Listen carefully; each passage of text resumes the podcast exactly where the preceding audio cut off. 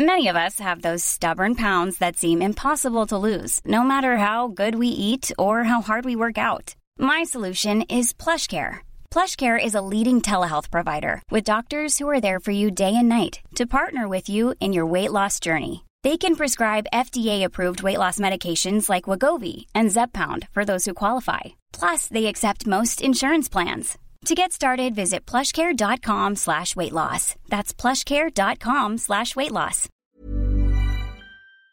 Er vi allerede kommet til torsdag, og det er min favorittdag, for da skal vi prate om historie. Og i dag så har vi besøk av Stian Indrevold, og du er filmskaper. Jeg er filmskaper. Hvordan føles det å være filmskaper? Jo, det er egentlig ganske bra. Jeg har jo vært det hele livet mitt. Eh, Jeg er jo ifra Andøya, eh, og, men har flytta til Bergen og bodd der siden 99. Og så Ja. har jeg flytta egentlig fra Andøya i 96 allerede. En tur innom Harstad og Trondheim, og så nå bor jeg i Bergen. Riktig. Så eh, ja. Kan ikke høre det på dialekten. Takk. Det er nok mange som bestrider det, for jeg kanskje ikke snakker like bredt lenger. som det Nei, det er klart. Men, men eh, jeg merker jo det, at jo lenger nord jeg kommer, jo mer på en måte begynner jeg å snakke nordlending igjen, og mindre Ja. ja. Hvordan eh, tror du det var på eh, 30-40-tallet for de som eh, for herifra Andøya veldig tidlig i forhold til dialekt? Tror du de var snar om å, å, å legge om, eller tror du de holdt på dialekten sin? Ja, jeg tror man la om En del la om dialekten. Eh, jeg vet i hvert fall at når det gjelder han vi skal snakke om litt i dag, så, så når han stilte opp på, på det eneste opptaket, filmopptaket der han snakker, så snakka han østlending, selv Ja. om han var kav nordlending. Ja. Eh, Hvorfor, og tror du? Kringkastingen Jeg tror kanskje også det har noe med at det var Det var jo den tida, da. Sant? Ja. At det, det var, nordlending var det jo kanskje ikke direkte skambelagt, men man var jo sett på som litt annerledes da når man kom til Østlandet og til Oslo, da. Ja. Eh, det tror jeg. Ut, utenbys fra? Og det var kanskje litt større grad enn det er nå, da, at man ikke forsto. Ja. Eller ikke ville forstå. Med vilje, kanskje òg. Ja, jeg tror det. Ja. Eh, jeg, absolutt. Jeg tror det er litt sånn som svenskene i dag, ikke sant. Har problemer med å forstå Og danskene. Danskene er ennå minst. Ja, ja, ja, det er det. Så det Men eh, vi, skal, vi skal snakke om eh, Torstein Råby. Mm. Og eh, det har du vært Eller han har du vært fascinert av i mange år. Ja, jeg har det. Hvor mange år? Jeg tror egentlig at de går helt tilbake til, til barndommen da jeg var en sånn 10-11 år gammel og gikk på kirkegården på Dverberg sammen med, med min bestemor og min bestefar. Eh, og så gikk vi forbi ei gravstøtte der. Og så eh, husker jeg vi stoppa framfor den gravstøtta, og så sier bestemora mi at ja, Torsten, ja, hun, han hadde hun liksom vært eh, konfirmant sammen med. Eh, og han var i slekt med oss. Han var tremenningen til min bestefar. Eh, og, eh, og så begynte de liksom å fortelle litt om at ja, han hadde vært med på Kon-Tiki-ekspedisjonen. Han hadde gjort ting under krigen. Og så på den der han, eh, gravsteinen så sto det Canada, at han døde i Canada. Og da var det litt sånn Ja, stemmer det. Han var med. Han kom hjem i kista okay. og ble ja. gravlagt på Dverberg da. Ja. Så da var, det tror jeg var, liksom, var det første lille frøet til at jeg ble interessert i at det var noen fra min heimbygd som hadde gjort noe som ikke var Vanlig. vanlig. Ja. Ja. Eh, litt annerledes. Og, og det på en måte litt sånn beviset på at uansett hvor du kommer ifra, så kan du liksom få Kan til bli, store ting. Ja, det. Ja. Ja. Ja, for det var jo ikke, det var ikke så vanlig å, å bli så veldig mye når man kom fra ei lita bygd i Nord-Norge, for man skulle først og fremst overleve. ja. Fri igjen. Og det, ja, det, ikke sant? Og, og, og ikke det, og det å reise ut var jo kanskje veldig lite vanlig, og man skulle gjerne gjøre kanskje det som faren hadde gjort, og man skulle overta gården, spesielt hvis man var gutt. Ja. Det var en helt annen, helt annen tid, og det var langt til Oslo. Man brukte jo gjerne mange dager på å komme seg nedover dit, eller til Bergen, eller ja. Ja. Så det, det var en helt, helt, helt annen tid når han vokste opp. Vet du hva som var første reisen hans? Ja, altså jeg vet i hvert fall at han eh, som, eh, som 14-15-åring flytta til Narvik. Fordi at han var en veldig eh, som, som barn så var han en veldig gløgg gutt. Han hadde særdeles godt i stort sett alle fag på, på skolen. Ja. Eh, og, og han hadde en onkel i Narvik som, eh, som fikk han til å begynne på middelskolen i Narvik når han var 14-15 år gammel. Var det uvanlig? Det var Da. uvanlig, ja. Er var det, er det som videregående i dag? Ja, det blir vel omtrent det, det er sånn som videregående i dag, ja. Ja, ok. Ja. Og, eh, og han eh, leverte jo også eh, i hvert fall Nord-Norges beste artium. Eh, de karakterene som han fikk ut av middelskolen det året. OK. Ja, så det, Ja. var, det var liksom toppkarakterer. Så han var en meget, meget gløgg fyr. Flink. Flink i språk. Eh, og etter dette så fikk han da en eh, mulighet til å, å Et stipend da i, i Rouen i Frankrike. Så han, eh, han flytta til Frankrike eh, allerede i 37. Han var født i 36, 36 tror jeg. var. Ja. Rundt, Eh, rundt 21? ja, eller ja, rundt 20 kanskje. Ja. Ja. Og begynte på, på skole der. Eh, Så der gikk han i ett år på skole. Riktig. Og det er jo kanskje enda mer uvanlig Ja. at en nordlending på, fikk et stipend i Frankrike. Ja. Ja. Men, men hvordan kår var det han kom ifra? Hadde han gløgge og oppegående foreldre som hadde ressurser og bøker i huset, og, eller var det helt vanlig en norsk husmannskost, jeg på å si? ja, jeg tror det var helt vanlig norsk husmannskost. Han kom ifra Altså, det var ikke noe velstående familie. Eh, hans onkel i Narvik eh, drev vel en del eh, virksomhet, altså restauranter og den type ting. Så han var nok litt eh, rikere og hjalp han nok litt i starten, altså. Eh, på å få lov å Både når han gikk på skole i Narvik og når han gikk i, i Frankrike. Eh, men, men familien er ikke spesielt rik. Det var de harde 30-årene. Eh, og i begynnelsen av, når man leser en del av brevene som han sendte hjem, så går, handler veldig mye om penger, da. Ikke sant? Og hvordan, eh, hva, hvordan han bruker pengene, og om han får penger fra familien, eller fra onkelen, eller fra andre. Og så er det Etter hvert når han da blir rikere, så handler det om å gi penger hjem til familien og hjelpe søsknene sine. ikke sant? Ja, riktig. Eh, Når han tjener litt. Men hvordan fikk han Var det onkelen som sto for økonomien de, den første tida, eller? Ja, jeg vil tro det. Uten at jeg vet liksom Jeg har alle fakta, så, var, så var, hjalp han veldig mye til. Ja. Eh, ja det gjorde Riktig. han. Så. mm. Akkurat. Spennende. Ja, og så havna han eh, da i eh, Frankrike. Mm. Og, og eh, her studerte han. Han studerte, ja. Og det gjorde jo det at han allerede tidlig da eh, kunne fransk flytende. Så når han, han, han, han kunne jo engelsk og, og snakka tysk, og, og lærte seg jo også da fransk i, i Frankrike. Ja. Eh, så, så etter at han var i Frankrike, så flytta han da tilbake igjen til Norge. Og han begynte da på eh, Den norske telegrafskole eh, allerede i Eller det som heter Teleskolen allerede i 1939. Men det høres jo ut som at han går nedover på rangstigen. Sånn for oss så høres det ut som, som det. Men var det å være telegraf, var det, var det en ansett eh, sak på 30-tallet? Ikke nødvendigvis, men jeg tror jo også det var på en måte et ønske om å få en, en eh, jobb. Ja. Eh, også det å komme tilbake igjen til Norge. Og så var han jo en Han var jo allerede Han er jo kjent som en historieforteller, og kanskje en av de virkelig personene som kommer inn i et rom og tar rommet, og som alle blir stille når man på en måte snakker. Ok, Eh, ja. ja. Så, så eh, til han. Så, så det, det kan jo være noe med det også, at han ønska å være på en måte en sånn formidler. Så var han interessert i teknikk, helt åpenbart. Og, Ja. og eh, ja, så, så det var jo ting som han dro veldig fordel av senere. Ja. Han ble da ansatt i Først i Finnmark, kringkaster Vadsø. Han var en liten tur innom Vardø.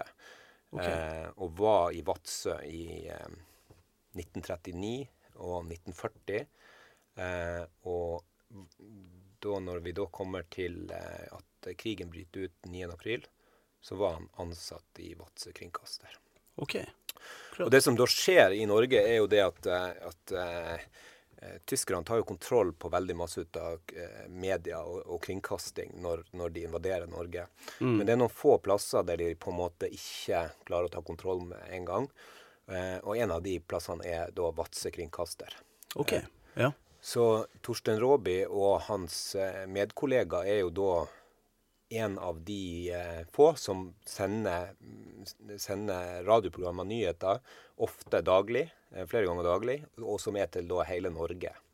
Så de når ut til hele landet? Ja, de kobler seg på, de ja, ulike typer teknikker som de, de brukte da, sånn at de Ja. liksom når ut til, til og om ikke hele, men i hvert fall store Så det var ikke bare London som eh, satt og sendte hit? Nei, men det her var jo allerede tidlig før liksom, Ja. på en måte noe var etablert i London i det hele tatt. Så, så, så dette var jo liksom de første to månedene. Det gikk jo en par måneder før, før Norge kapitulerte og, Eng, og kongen var kommet til, til eh, London. Ja. Så, eh, og så skjer det jo det at eh, når vi da kommer ut i juni måned, så, så blir kringkastinga i Vadsø bomba. Eh, og dette opplever jo da Torstein. Eh, Var det tyskerne som bomba, eller var det engelskmenn som bomba? Det husker jeg ikke. Okay. Men eh, det, jeg mener det var tyskerne. Men eh, det er mulig Du Nå skal jeg være litt forsiktig. Eh, Ja. Jeg, Du skal finne ut av det. Eh, det er ikke alle ting jeg har liksom detaljkunnskaper om. På, på, men men- det, det blir i hvert fall bomba. Ja, og han opplever den eh, Ja, bomben. det gjør han. Ja. Ja. Så eh, eh, opplever det, og, og eh, han skriver hjem til familien eh, kort tid etterpå og sier, som dere sikkert eh, hørte, så fikk vi oss en liten bombe her på kringkastingen. Men ellers er alt det fint med meg, jeg har det bra og fint. Eh, og de har på en måte etablert da eh, fortsatt nyhetssendinger, men de sender da fra hytta i området rundt Vadsø. da. Ok. Eh, Så de, de klarer liksom å komme seg på lufta igjen ganske kjapt igjen, da. Ja, riktig. Ja. Det var ikke DAB de sendte på. Nei, det var ikke det. det var nok helt andre ting. Eh, ja. Så, eh, og det her var jo liksom før da på en måte at, de, at man måtte levere inn eh, radioapparater og sånt. Det, liksom ikke, Ja. det tar jo ei tid å, å, å, å, få hele Norge under kontroll for, for eh, tyskerne da. Det, det gjør det absolutt. Jeg hadde lyst til å skyte inn litt akkurat det her med radio. For at eh, forrige uka så eh, var eh, historieprogrammet handla om han eh, Torbjørn Solli fra Åse. Og han forteller om eh, der ei kjent dame som heter Valborg Solheim fra Åse, som var angiver under krigen. Hun var faktisk ansatt av tyskerne etter hvert. Men eh, på låven der hadde faren og broren radio som eh, hun ikke visste om. det var litt spesielt. Ja, ja det, det, men det var jo masse av sånt. Ja. Og, eh, det er jo sånne ting som kom, som man bare fikk vite om etterpå. Og det var jo mange som tok vare på radio. Det, ja. Men du, eh, akkurat det her med Dværberget og teknologi og denne biten er jo litt spesiell. For at eh, der var jo, jeg tror både første bilen og første vindmølla i Nord-Norge er jo på Dværberg. På Dverberg, ja. Ja. Eh, Tror du han kan ha fått med seg noe av dette? For det var, var vel eh, før 20-tallet. Det er masse mulig. Han har Det- sikkert gått og trødd der og, og Ja. opp ting. i- Jeg har jo aldri altså Torsen Robby døde jo for ung, så jeg, jeg har jo ikke liksom aldri snakka med han. Og, og, men jeg tror nok at han var interessert i disse tingene tidlig. Men nå Ja. spekulerer jeg bare. Ja da, Ja. det er så- lov. Det er lov. Ja, OK, men det er bra. Ja, ja, det må man jo. eh. Det er jo, det er jo sånn som er, som eh, er blitt sagt så mange ganger, at eh, den nordnorske historien er jo ikke skrevet. Nei. Så da må man jo få lov til å så drodle litt om kanskje det kunne vært sånn. Ja, sant. Ja. Og jeg tror nok at hvis Torstein Råby skulle Jeg tror nok at i hans ånd så er det å si at du må ikke la sannheten komme i veien for en god historie. Det, det høres bra ut. Det er bra radio av det. Så ja, så det blir litt sånn, da. Eh, Men nå er jo jeg dokumentarfilmskaper, og jeg er jo opptatt av å fortelle en korrekt historie. Det er klart. Jeg, jeg skal jo lage en film nå om Torsten Råby, og har jo med en meget god researcher som er historiker, og som Ja. kan liksom både arrestere meg og, og, og, og ja, finne ut av ting for meg. eh, Som, ja, det er viktig å ha de Ja. folkene med seg. Det. Det er helt klart. Men eh, så han var i Vadsø da i 1940. Ja. Eh, og hva, hva, han gjør videre? Han blir flytt, etter hvert så blir han flytta over til Tromsø, og så ender han da på ehm, eh, Men er det før tyskerne kommer til, til Tromsø, eller? Mm, nei, tyskerne kommer jo ganske tidlig til Tromsø, så, men han havna nede på Lambertseter kringkaster også etter hvert. da. Han okay. blir overflytta dit, da. Ja. Og da er jo eh, Når han er der nede, så er jo eh, Norge under tysk kontroll, da. Ja. Eh, ja. Ja. Så er det jo på en måte Det som skjer da, er jo at eh, en av hans veldig gode venner fra tida i Vadsø eh, på Nei, eller han er på Han heter Alfred Henningsen, også kall, han blir kalt Boys, da. Eh, han studerer på lærerhøgskolen i Tromsø. Eh, og er hjemme på Grytøya og er i Harstad og venter på Hurtigruta. Eh, og når han står og venter på Hurtigruta, så blir han da oppsøkt av en mann. Eh, som eh, liksom på en måte prøver å ta kontakt med han og, og, og ønsker å liksom snakke nærmere han. Så han, eh, under denne reisa da, til Tromsø så blir han invitert inn på lugaren til denne mannen. Alfred Henningsen som var student, bodde på tredje klasse, men denne mannen bodde på første klasse. Ja. Og han låser døra bak seg, og han drar ut en koffert under senga. Og åpner den, og oppi kofferten ligger det da en radiosender. OK. Og da eh, spør han mannen som da presenterer seg som Simon Bliksberg, om han, eh, Henningsen da vet hva dette er for noe. Og så sier Henningsen at ja, ja, han ser jo at det er en slags radiosender, for han hadde jo erfaring, han hadde vært i sambandet under eh, eh, i Finnmark, eh, så han, han, han, kjenner jo til dette. Og så lurer han på om ja, men er du ikke redd, sier han. Nei, hvorfor skulle jeg være redd, sier han. Jeg har jo ikke noe med den å gjøre. Ja. Eh, jo, sier han. Og at han er Så forteller han Bliksberg da at han er, har vært i Sverige, og han er tatt ut i Sverige og har fått ei liste over ti personer som kunne være aktuelle til å etablere den første partisansenderen i Nord-Norge. ok. Eh, og da er det jo Alfred Henningsen har jo en bakgrunn fra Vadsø. Han er, han er født inn i en litt sånn rød familie. Ja. Eh, så han er på en måte sett på som en, en mulig eh, mann som kan være med på det. Ja. Og Henningsen stritter imot, men eh, Simon Bliksberg eh, klarer liksom å ete seg inn på han og inn på han og oppsøke han på hybelen i Tromsø, og til slutt så gir han etter, for han brente jo virkelig før det her, og hadde jo liksom også lest bøker om agenter og sånt. Oh ja. OK. Ja. Eh, men så går det da opp for Henningsen at jeg klarer ikke dette alene. Jeg er for treig i å sende morse. Um, så jeg må, jeg må finne noen som kan på en måte være med meg på dette. Eh, og da dukker navnet Torstein Råby opp i hans hjerne. Han er mannen. OK. Um, så Henningsen reiser til, til Oslo. Uh, han møter Torstein Råby på, på eh, Gamle Major, som, var, som er en restaurant som fremdeles eksisterer i Oslo. Eh, og så eh, og så sier han eh, Snakker han med Torstein, og de tar et øl eller, noe sånt. Og så, og så sier han liksom at eh, Begynner han å fortelle det her, da. Og Torstein Råby han bruker ikke lang tid på å liksom tenke. Han sier Er mye penger i det her? Og så sier Henningsen at han ja, han får en pose med 5000 kroner. Eh, så eh, kan, det var jo en anselig sum på den tida. Ja, ja. Vi kan jo starte med det, da. Ja. Eh, og så sier Torstein ja, jeg blir med.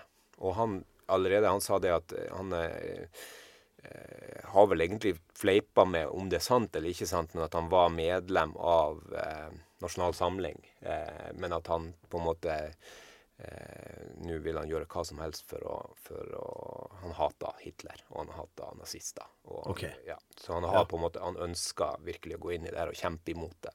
Ja. Sikkert av det han har opplevd i, i, eh, I Vadsø. i Vadsø. ja. Ja. ja, tror du det at han var med i NS i, i, i starten? Mm, Var han typen? Vanskelig å si. Ja. Han, det blir fleipa med det, og det er Henningsen som er kilda mi til det. Han sier vel noe sånn at han er nummer 21 eller et eller annet sånt av, av uh, NS. Men, Å, oh, ja. ja. Men det som er i hvert fall sant, er jo det at seinere så, så eh, når han virkelig kommer inn i agentvirksomheten, så er det veldig eh, passende for Råby å, å spille på dette, da. At Ja. han er, at han er er sympatisør med, med okkupasjonsmakten. Og det Aha. gjør han, ikke sant. Så det vet vi jo. Eh, men hva han gjorde før krigen, det vet vi ikke. Men det Nei, ja, kan vi spekulere i da. Ja, det var vel ikke helt uvanlig, og eh, om man ikke akkurat sympatiserte med tyskerten, så var man jo klemt, klemt litt mellom øst og vest, så Ja, var det jo lett å Ja. ja.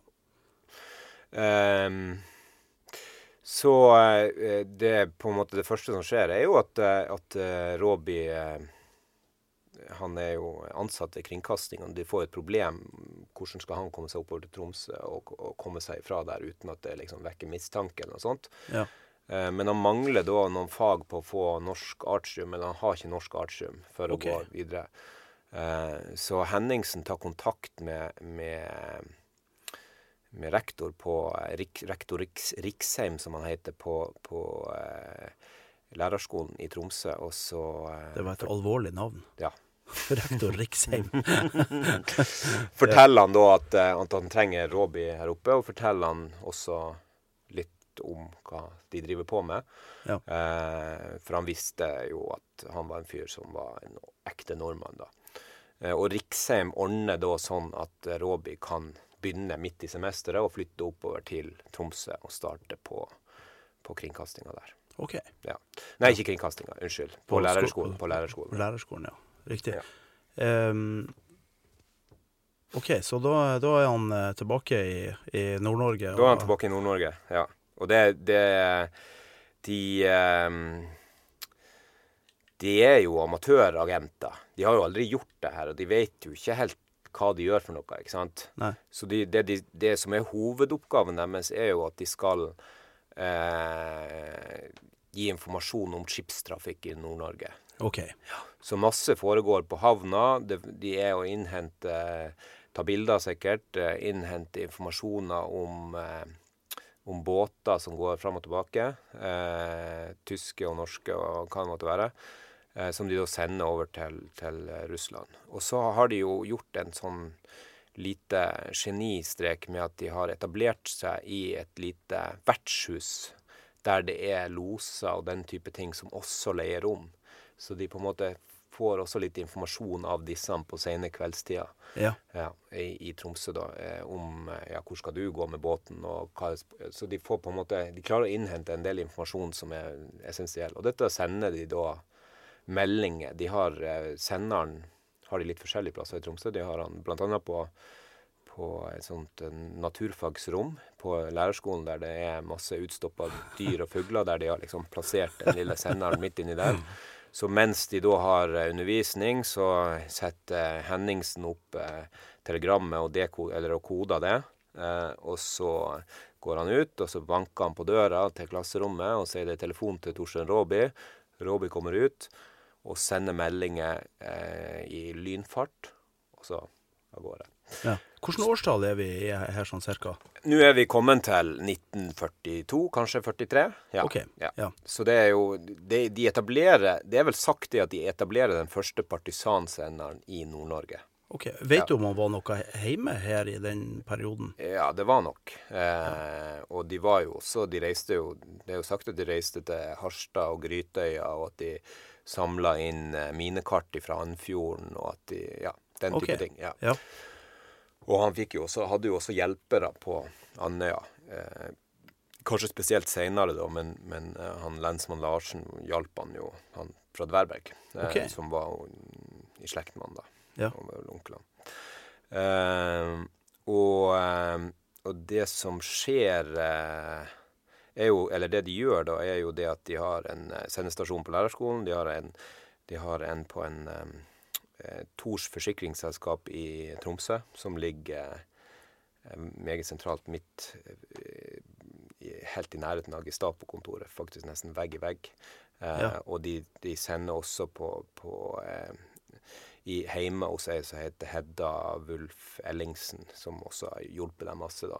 Så de, de, de går rundt omkring med denne senderen og, og, og om eh, midt i, i bybildet med en slede og senderen på, bakpå inni en koffert eller noe sånt. Og, og, eh, så de blir på en måte Og dette gjør de jo sikkert for at de det ikke skal være så lett å peile og finne ut hvor de er fra. da. Helt sikkert. Ja.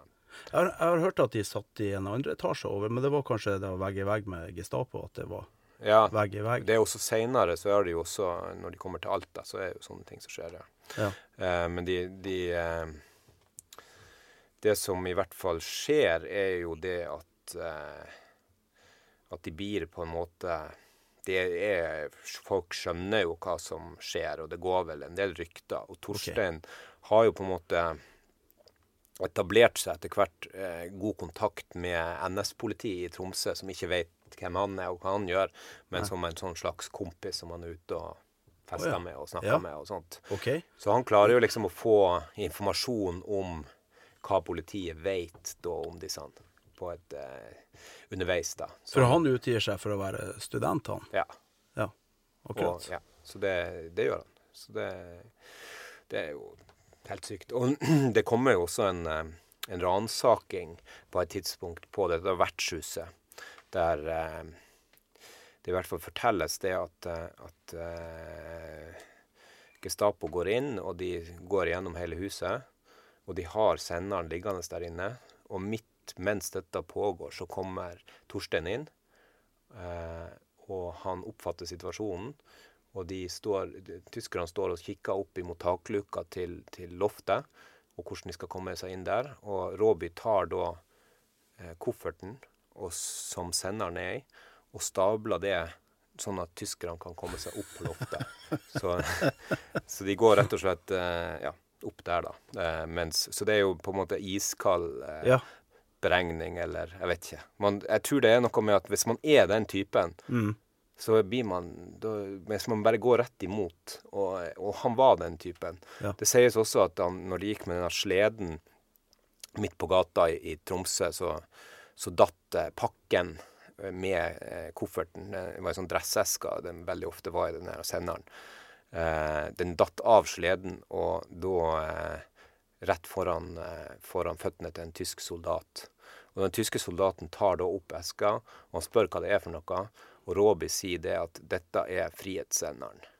Og den tyske soldaten smiler til han og gir han eska, og, og Roby får gå videre. Fordi at er, man vil aldri tro, Det er jo ingen som vil tro det. Han snakker jo selvfølgelig flytende tysk. ikke sant? Han, og han sier det på en sånn måte at det på en måte at man ikke tør å Eller ikke vil gjøre noe. Så det er bare helt Nei. absurd, egentlig.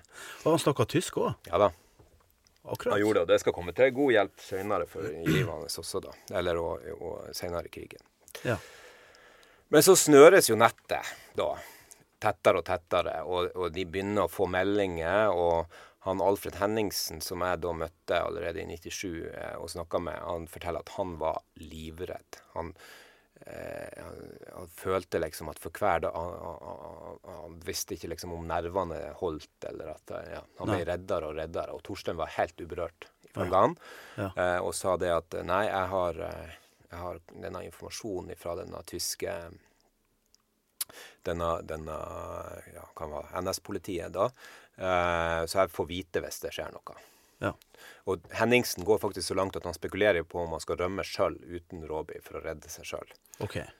Men så en dag så eh, er det noen som oppsøker de på hybelen, og så sier de det at eh, nå må dere komme dere av gårde. Nå går det rykter om denne senderen, og de har en spesifikk adresse i Tromsø sentrum som de skal gå til aksjon imot innen veldig, veldig kort tid. Så eh, Robbie og Henningsen, eh, de eh, tar og pakker fjellutstyr og ski og matrasjon og boks og sånt. Og eh, får en, leid en drosje i Tromsø tidlig, tidlig på morgenen og tar den første ferga over sånn at de da skal komme seg innover til svenskegrensa. Eller så nært tett på svenskegrensa som mulig. Okay. Eh, og de har en mann som heter Kåre Fagernes, som kjører de oppover dit. da. Eh, og når de da Det som i hvert fall er historien, er det at når de eh, kommer med ferga på andre sida, så er det på det tidspunktet at eh, tyskerne slår til mot boligen som de har oppholdt seg i. Ja. historien vil også Noen som sier også det at når det var ei ei ung pike fra Tromsø som, som møtte opp på fergekaia, eller som ønska å være med dit til Sverige, og som møtte opp på fergekaia, men der var faren også og henta henne, så han fikk ikke, fikk ikke, være med. Men om det er sant eller ikke, det vet jeg ikke, men det vandrer masse sånne historier om dette.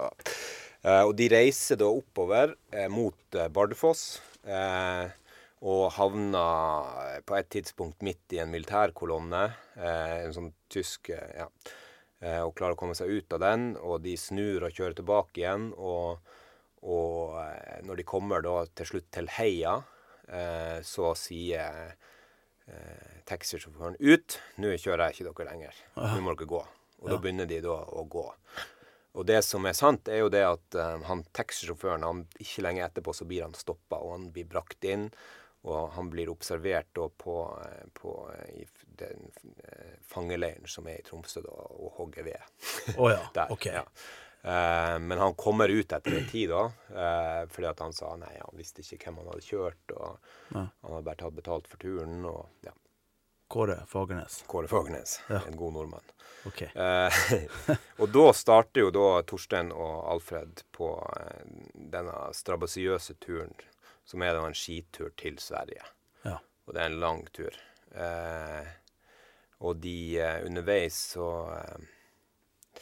så er det mye De kommer ut for dårlig vær, og de, eh, de blir eh, Kommer inn på noen hytter som de får også hjelp fra nordmenn underveis. Og, og, eh, og de finner seg Skal da finne en gamme på et tidspunkt i den, på den flukten, da. Og de oppdager at taket på den gammen som de har da fått, fått klarhet i hvor er, den, er dotet ned. Eh, så de, og de prøver liksom å grave seg i huler og sånt, og Ja. fryser noe helt forferdelig. Og Alfred Henningsen forteller liksom om hvordan han liksom fryser og fryser, og har liksom lest om folk som fryser i hjel. Og han mener han får denne følelsen der han på en måte bare alt blir liksom varmere og deiligere, og liksom på en måte dovner hen og Ja. blir vekt med at Torstein da står og slår han og banker han og hjuler han. Og gir han oppvarma boksmelk og får han opp på ski, og de dytter han framover. Okay. Ja. Ja. Og samme motsatt vei etter hvert at Torstein er helt utslitt. Og til Ja. slutt så kommer de da over svenskegrensa Ja. eh, og finner da en eh, lavvo som er satt opp der for denne type ting, da. Er altså ja, folk som går over grensa. Så, og så kommer de der så til Sverige, da. Ja. I sikkerhet. I hvert fall i første omgang. ja. Og der blir de værende i Sverige. Blir værende en stund. Eh, et par måneder, kanskje. V Vet du hvilket årstall vi er i nå? Nå er vi i De flykta i april 43. Ok. Ja. Ja. Så vi er, vi er kommet til 43. Ja. Um, og det som skjer i Stockholm, er jo det at de eh, De er jo i kontakt med den eh, russiske ambassaden i Stockholm. Har et helt sånn agentopplegg med at de skal komme dit med avisen og ha avisen opp ned eller under armen eller et eller annet sånt. ikke sant? Og, Men det her er helt andre typer enn de vi har sett filmer om før. Max Manus og all, all det her. Det har liksom ikke, de har ikke samme nettverket, de. I hvert fall ikke foreløpig. Men etter Nei. hvert så er det jo eh, Så er det jo eh, dukka eh, Eller så er de nok innafor samme område, da. Ok, Eh, når, de, ja. når de kommer i England. Eh, så selv om ikke Altså, nå husker jeg ikke helt hva Max Manus var, men, men eh, Ja, vi kan komme tilbake til det. Ja. Ja. Eh, og de, de er i, Tromp, nei, i Sverige, i Stockholm, og, og hever egentlig penger fra den, nei, fra den russiske ambassade. Og de får også oppretta kontakt med den norske legasjonen og den eh, engelske ambassade i Sverige, i Stockholm. da. Ja. Og de ønsker jo å få disse to karene her over til England. Ja. Og Til Linge-kompaniet, da, eller? Nei, det er det som de da kommer til, er det som heter eh, De tar seg et fly over til England, og de, de kommer da til det som heter s- eh, SIS-agenter, blir de utdanna som. Som er eh, tilsvarende Altså det heter Secret Intelligence Service Uhu. som er egentlig det som vil vært MI6 i dag. Så Ja, det er ekte James Bond-utdanning får de da. Skikkelig Og det er Torsten og, og Alfred skiller på en måte lag da i Stockholm. De er jo eh, blir jo begge to SAS-agenter, men de får liksom ulike typer oppdrag da. Mm. Um, og ehm, ganske snart så blir det da klart at, eh, at Torstein For det, det som skjer på våren eller sommeren eh, 43, er jo at Tirpitz flytta seg nordover og havna i Alta. Og Tirpitz var jo det største slagskipet som, eh, som eh, Hitler hadde. Mm. Eh, og eh, og eh, Churchill uttaler jo på et eh, tidlig tidspunkt at et av de største og viktigste målene, sjømilitære målene vil være å, å uskadeliggjøre Tirpitz. Ja. Fordi at disse konvoiene som går eh, imellom eh, England og Murmansk, eh, de, de og motsatt, de eh, eh, Når Tirpitz ligger så langt nord, så er de på en måte en evig trussel imot det. Mm. Og det er ikke bare Tirpitz som ligger der. Det er Charnhorst og det er en del andre skip også Ja. som kan angripe disse livlinjene, da. Ja. Eh, og dette er viktig. Eh, så det mm, Da er det jo viktig å ha en mann på stedet. Og det er jo viktig å få informasjon om hva som skjer med Tirpitz. Mm. Eh, og eh, Torstein Råby blir da sendt til eh, Finnmark. Han, han skal på en måte komme seg opp til Alta og eh, passe på Tirpitz, som Ja. er virkelig Ja. Og det er sånn dimensjoner på det at man liksom ikke skjønner Tirpitz, det var 2500 mann om bord på Tirpitz. Helt skipet. Ja. Og eh, det er så stort. Det, ja. Og det ligger i lille Alta. Og der skal han inn og gi, rapportere. Ja. Det var sikkert like mange som bodde i Alta da. Ja. Ja, nå har ikke jeg helt oversikten over det, da, men, eh, men jo, det var nok det. Og det var, det var ikke bare disse 2500 mannene som var om bord på Tippets. Det var jo mange tusen mann rundt omkring i Ja. området også som passa på. ikke sant? Og, Mm. Så det var jo eh, Det var et helt annet Alta enn det det er i dag, for å si det sånn. Eh, og eh, det som skjer, er at eh, Torsten får eh, Han blir satt på en ubåt sammen med to andre agenter som også har gått gjennom samme utdannelse, men som skal andre plasser i Nord-Norge. Som en del av en større operasjon. da. Eh, og de settes da i land på Senja. Eh, på, I Medfjorden i Senja. Oh, ja. Så Torstein, det første han ser ut av periskopet når de begynner å nærme seg Norge, det er baksida av det fjellet som han var Vokste opp med. vokste opp på, Ja, på Dverberg. riktig. Og det går også historier om at han dukket opp på Dverberg under krigen, uten at det på en måte er bekrefta. Men det er rykter som, som går, da. Men hvorfor ble, de, hvorfor ble de satt i land så langt unna? For det er jo Ja, ufattelig si. langt. Ja, det er langt. Og det er jo, det er jo også noe som man beskriver i, i eh, Altså, det, jeg tror det har kanskje litt med at eh, rent sånne praktiske forhold med å med at de eh, skulle finne en plass der det var trygt å sette i land. Men også var det jo De to andre agentene skulle jo til andre deler av, av Nord-Norge, da. OK. Ja, Ja. Så det var kanskje liksom på en måte sentralt sånn sett. Ja. Eh, og så hadde de også noen som kunne ta imot dem, og et apparat i det eh, på Senja, da. Ja. Eh, ja.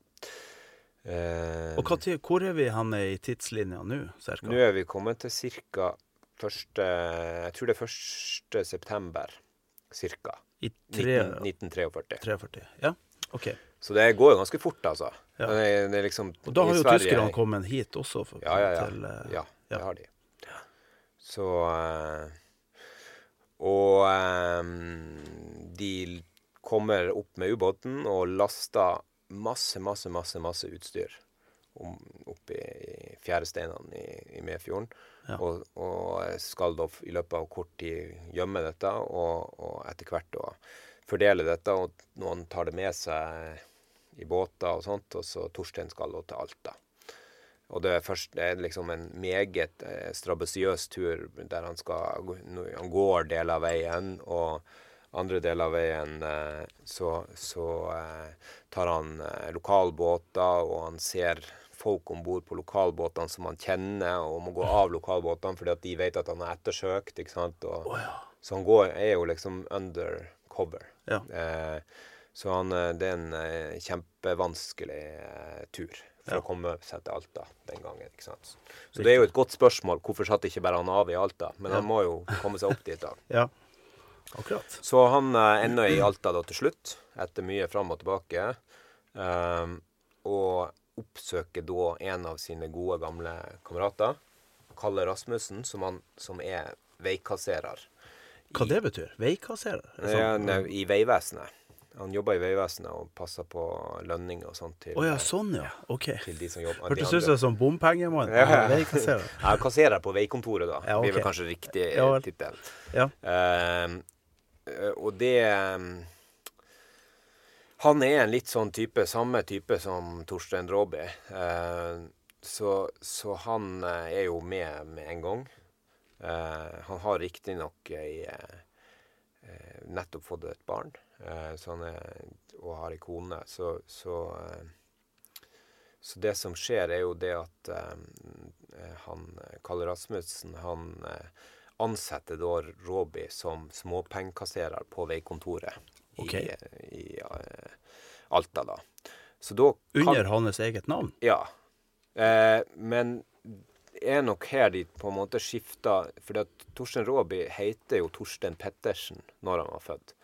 Han tok jo rå, navnet Råby først etter krigen. Eh, okay. Så Råby var på en måte dekknavnet også under krigen som han brukte. Oh, ja. Ja. Så, så da når han kommer til Alta, så tror jeg faktisk han heter Torstein Råby. Eller han, det er det han blir. Men, men før det så var det Torstein Pettersen? Ja.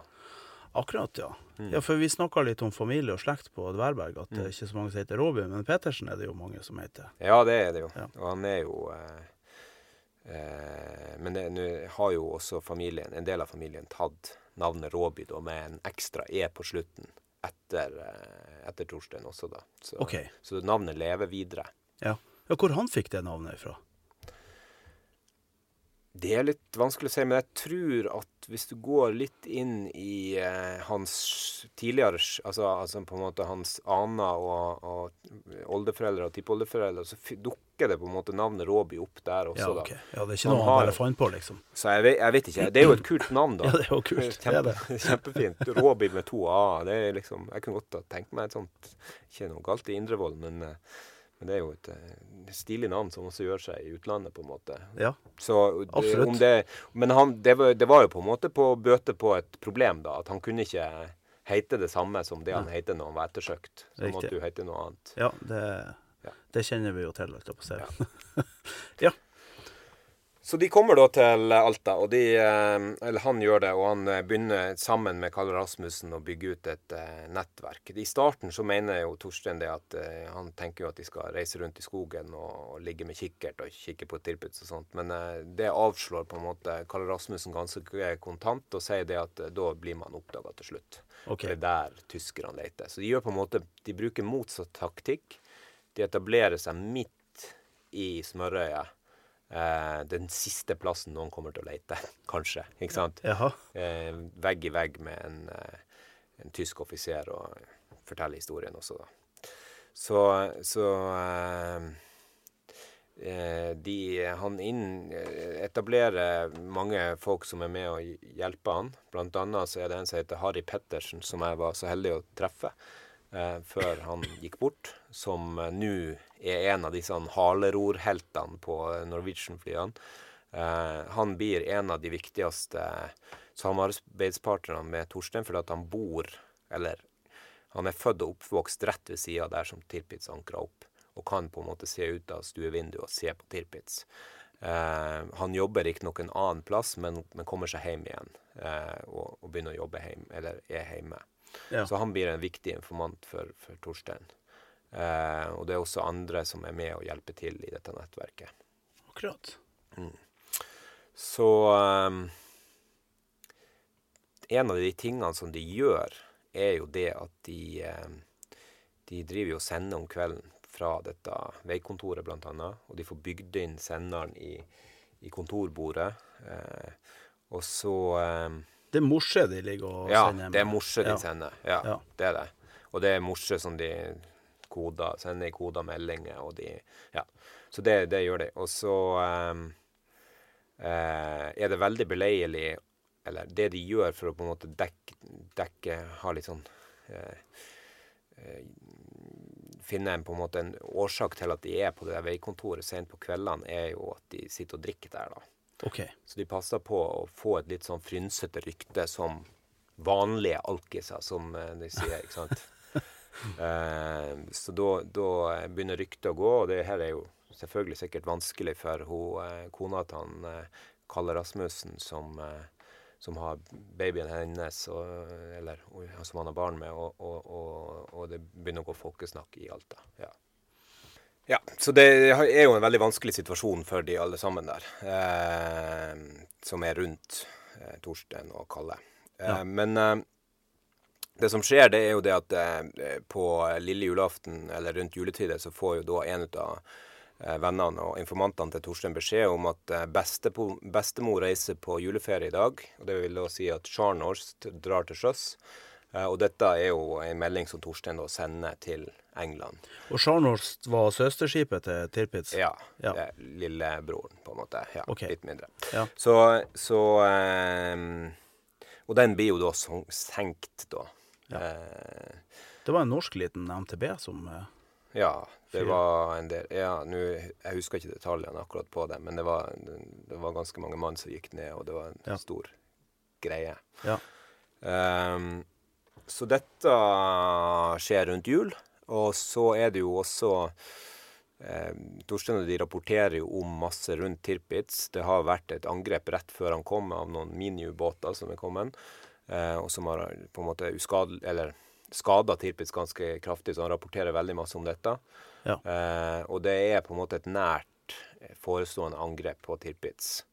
Ehm, og når vi da kommer til eh, slutten av mars, begynnelsen av april, så, eh, så får eh, Torstein beskjed om at nå vil de sende værmeldinger og beskjeder om at Tirpitz befinner seg i Altafjorden hver time. OK. Ja. Og da skjønner de liksom det at eh, her brenner det. Nå, Ja, det, nå kommer det til å skje noe. ja. Og de gjør det. De sender melding hver time eh, om vær og om eh, Tirpitz da er i, i Kåfjorden ved Alta. Og tyskerne klarte ikke å fange opp de her meldingene, altså. De hører det nok. Ja. De peiler, går jo rundt og peiler, og de er jo nært å bli tatt flere ganger. Så ja. Riktig. Så, eh, så da eh, blir, skjer jo da dette flyangrepet på Tirpitz, eh, som er veldig kraftig. Altså det de kom, Flyene kommer nedover fjellstien og bomber Tirpitz skulle si, nesten sønder og sammen. Og det er mange mange mennesker som dør. Ja. Eh, og det er en dramatisk hendelse. Men Det sies jo at de egentlig ikke traff Tirpitz, men eh, de klarte å bombe så mye at de klarte å velte hele båten. eh. Ja, det, jeg har- har ikke det, akkurat detaljkunnskaper om det, men det, det kan nok godt stemme, det, altså. Så, ja. ja, så det, det er i hvert fall et veldig voldsomt angrep da, i starten av april Ja. på Tirpitz.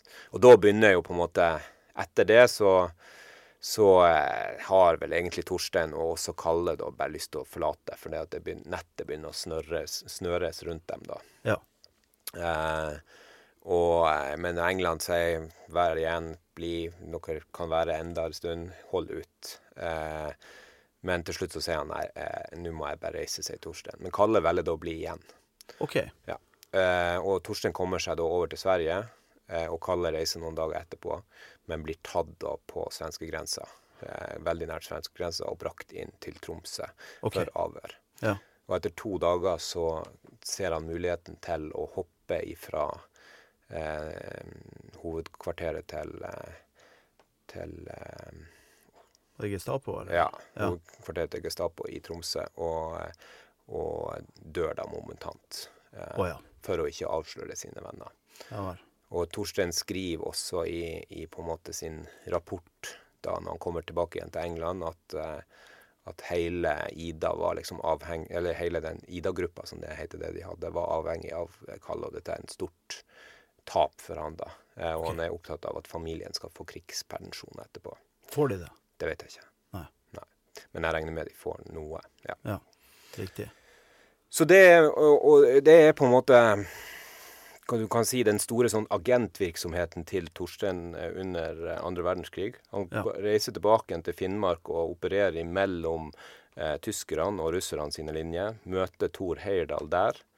Eh, og Thor Heyerdahl etter krigen tar han med på en eh, fantastisk ekspedisjon som den første mannen han sender melding til for å høre om vil være med. Okay. Og det er da Kon-Tiki-ekspedisjonen. Og det er en eh, helt annen historie. Det er en helt annen historie. Ja. Men eh, det livet som Torstein lever etter krigen, er, er fantastisk, det også. Han deltar på Kon-Tiki. Han, eh, han tar riktignok utdannelse i Sveits som, som ingeniør. Jobber i Forsvaret. Er også på Jan Mayen. I, skal egentlig være der i to måneder, men blir der i to år. Og er leder for, eh, for utbygginga av Loranger stasjon på Jan Mayen. Okay. Er også leder for utbygginga av Dekka stasjon i Norge. Ja. Og ender da på, til slutt på en Nordpolekspedisjon eh, i 1964, der han da dør. Det er sånn han dør, ja. Ja, ja. eh, Hva, hva han døde av? Ja, det er fremdeles eh, litt usikkert, men, men, eh, men man mener at det er De har vel sagt at det er hjertet som svikter. Ja, den naturlige det er død. Han fryser ikke i hjel, eller?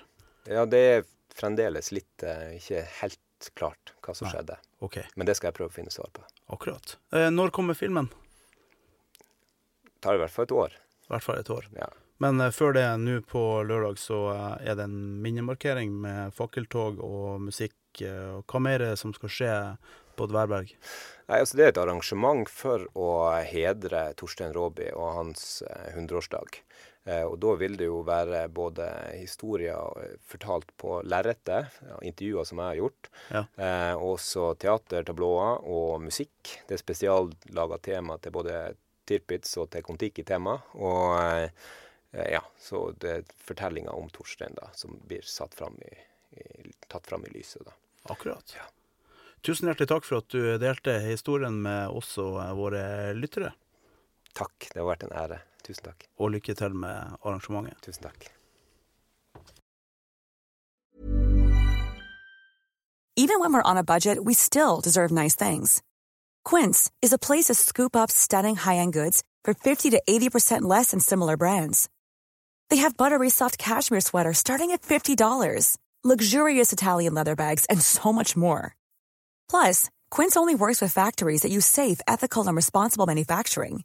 Get the high-end goods you'll love without the high price tag with Quince. Go to quince.com slash style for free shipping and 365-day returns.